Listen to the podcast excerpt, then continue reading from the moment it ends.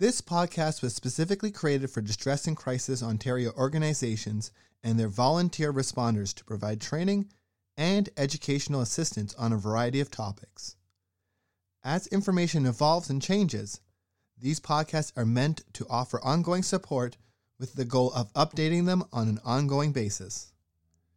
We thank the volunteer responders and the contributors to this podcast. Please visit our website, dcontario.org, for more information and how to access free mental health services. Thank you.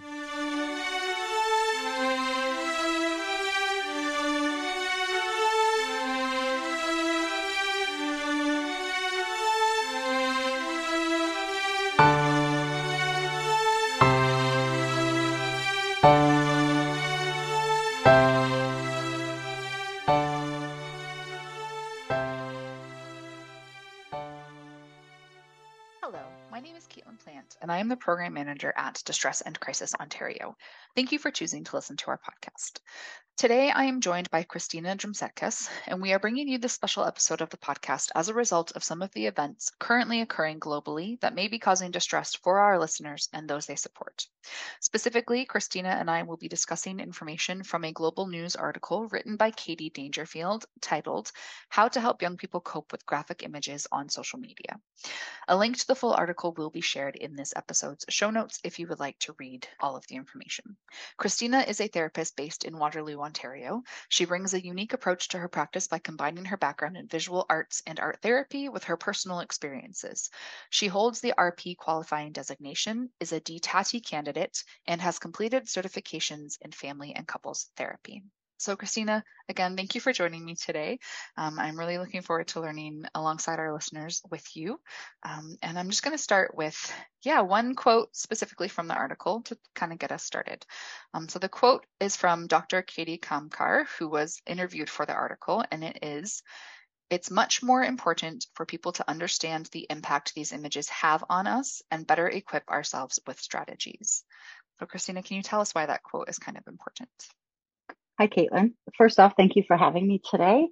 And yes, this quote is actually really important about how we can protect ourselves when we're being inundated by all the images and the news that we read on, that we can hear on the radio, that we watch on our TV, or we get on our social media with our phones, tablets, etc. They can be overwhelming. It could just cause us to have a lot of questions about what is happening, what is, are we safe? And our feelings for what's going on overseas and anywhere else that has such a big impact in our lives and how we can cope with these strategies better. So it's important to figure out, you know, some self-care for ourselves during these troubled times that we're experiencing something that comes up pretty early on in the article is that one of the most important things for us to do before we have conversations with young people about really anything that's difficult is that we need to address our own emotions first. Can you tell us more about why that's important as well? Oh, that's really important. There's a lot with this when we talk about our own feelings, our own biases about what's going on. We have our own opinions, whether they're strong or just, let's say, you know, just an opinion, regardless. And when we decide to talk to our children about this, sometimes that gets flown into the conversation without us realizing it. And kids pick up on a lot of stuff that our parents say or what they hear. And so instead of allowing them to form their own opinion, they'll take the opinion of our parents versus allowing them to absorb the information, really feel what's going on, and understand it for themselves. And I know that sounds odd when you want to talk to a child about this. But at the same time, children are smart and they do have opinions and they see the world in such a different way. And sometimes in a more innocent way than what we ourselves are feeling with all our years of experience. But what are some ways that we can approach these conversations with the young people in our lives? Well, one of the things that the article does talk about is being first trying to find out what your children know about the situation before you have a conversation with them. So we make the conversation about them, what they know, what they're feeling about it versus our own feelings for this. Um, it gives you the opportunity as well to correct the misinformation in an appropriate way for that's developmentally appropriate for that child or for their age. And again, this just goes on to say that we are inundated with so much information and depending on what your child is seeing or hearing, they could be hearing it from various outlets and hearing other people's opinions without it being the proper information. And then you really want to ensure your child's safety by talking in a general way. So really not pinpointing exactly what's going on in the world or what's really bothering them, but making more generalizations for them just to ensure that they're safe. And an example of that is if we're talking about a certain incident that's going on right now, we could say in a part in that part of the world, a lot of people are hurting right now and they're trying to figure it figure it out and they're not using their words to do so. And that's speaking more of a general term for them to understand versus going into a specific aspect of it. Another thing to remember is that young children may not have the language to communicate their emotions and may express their fears and anxieties in a physiological way, which will show up often as stomach aches, headaches, or just an overall, I'm not feeling well. And these are some of the things that parents can be on the lookout for their children. So just because they're not coming home saying, Mom, Dad, I'm sad, or, you know, they can't express it, they may come home and be like, I have a headache, my stomach aches, with no reason for it other than these are how they're manifesting their fears and their anxieties about what's going on. So if you're speaking with young children, you can help them process their feelings through artwork, which is a great way to have children be able to express themselves, especially when they don't have the proper vocabulary to use it. Writing letters or even joining fundraisers to help those in need, which gives them a, you know, a way to have control over a situation we really don't have control. And so again, this allows us to remember that even in the state of lack of control and distress, we all have some some power to do something. And if I circle back about doing artwork, there's so many ways that you can get your child to communicate through their art or just even allowing them to color in a coloring book is a mindfulness activity that will just help them focus on what's going on in the here and now and help their minds not get too far ahead of themselves. So it'll give them something to focus. So then it's also recommended with older children. So these are great activities as well, even for older children if they're struggling with all of this. But they may be more exposed to the news and me, news and images on the social media.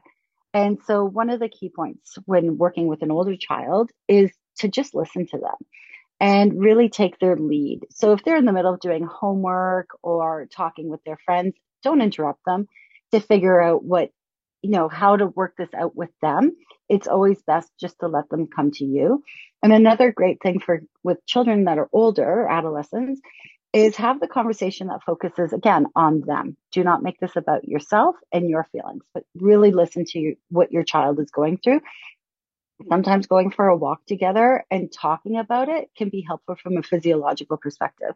And also going for walks when you're together, noticing if you're you have a chance to go out in the forest or on a trail of some sort is ask if they notice anything about, you know, the surroundings that they're in or see if you notice an animal of some sort, which also helps them to focus a bit more and connect with their feelings.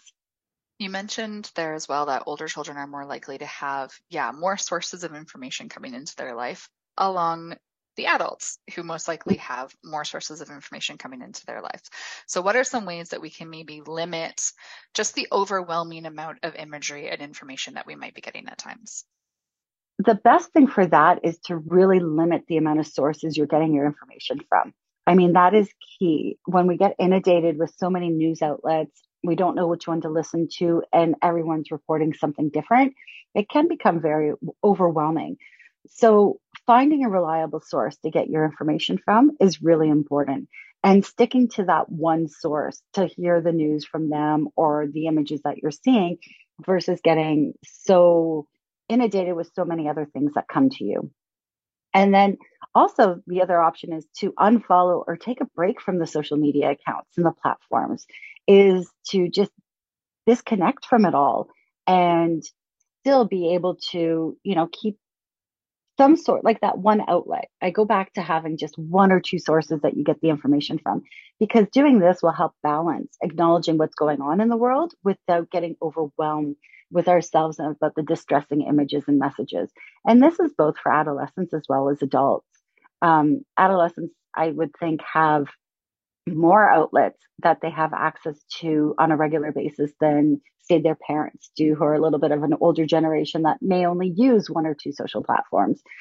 But again talking to your children about limiting the amount that they're being exposed to maybe unfollow some of these accounts or not let them pop up or just taking a break in general is would be really beneficial for our mental health speaking as one of those parents of adolescent age children, um, most phones or um, operating systems do have ways for you to go in and set parental controls as well, um, where you can set limits on social media accounts in general or specific apps uh, for a set amount of time. So maybe you do go in and even if it's just for now, limit that they can only be on Instagram, TikTok, Facebook, Snapchat, whatever for an hour a day, right? And you can go in and physically set those allowances and explain to your child that it's not about them. It's not that you are punishing them. It's not that you're taking this away because you want to be mean.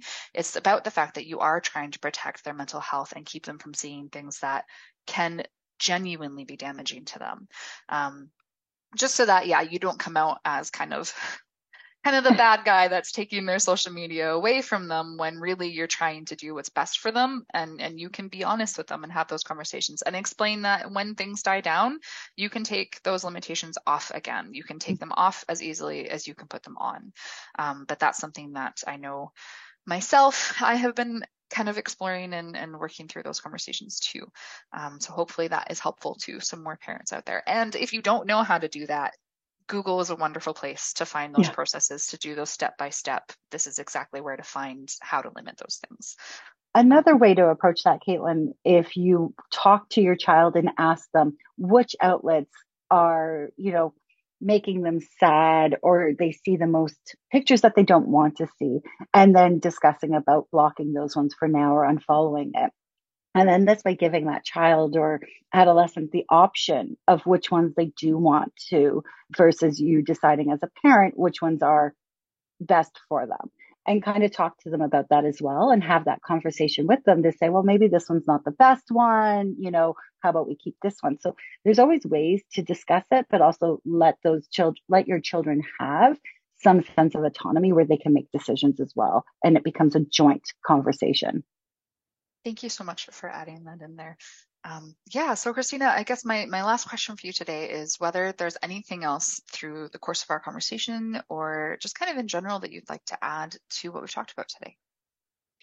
I think a lot of it we've covered. Um, the article was just very well written and very informative, which I appreciated. And then just thinking about even when we talked about having your children do art, this is also something that's beneficial for adults too. If you're finding yourself overwhelmed, you know, there's so many adult coloring books that you can get just a color for like 10, 15 minutes. Really, you don't need to allocate. I know parents are busy. We have very busy schedules. And when somebody says, well, just sit down and do art or color, they're going to be like, I don't have time for this. But even five, 10 minutes of coloring will help you regulate your emotions as well and come at see things in a bit of a calmer perspective than not taking that time for yourself. So to make sure that we all take time for ourselves, for our own mental health as well, and self care and do something for at least five ten minutes to just that self care aspect of our daily lives. And it will help us, you know, work better with our children, our adolescents, and just in general, managing our feelings around the images and the news that we keep hearing today. I think one of the phrases that kind of sums that thing up is that you can't pour for an empty cup. You can't care for others if you don't care for yourself. So I think that that is some wonderful advice to add in there. Um, yeah, so thank you again, Christina, for joining me. And hopefully, everything we've talked about today is helpful to our listeners. Um, as always, for our listeners, if you are looking for support, um, you can find information on our member centers and ONTX on Distress and Crisis Ontario's website at www.dcontario.org forward slash locations. Um, ONTX, the online chat and text feature, is available from 2 p.m. to 2 a.m. Eastern Standard Time daily and can be accessed from any page of our website, or you can text the word support to 258 258. Um, again, we'll share the link to the article Christina and I have been talking about today in the show notes. Um, and as always, a link to our feedback form is in the show notes as well if you have any feedback on this podcast or requests for future content. Thanks again, Christina, for joining me, and thank you everyone for listening. Thank you, Caitlin.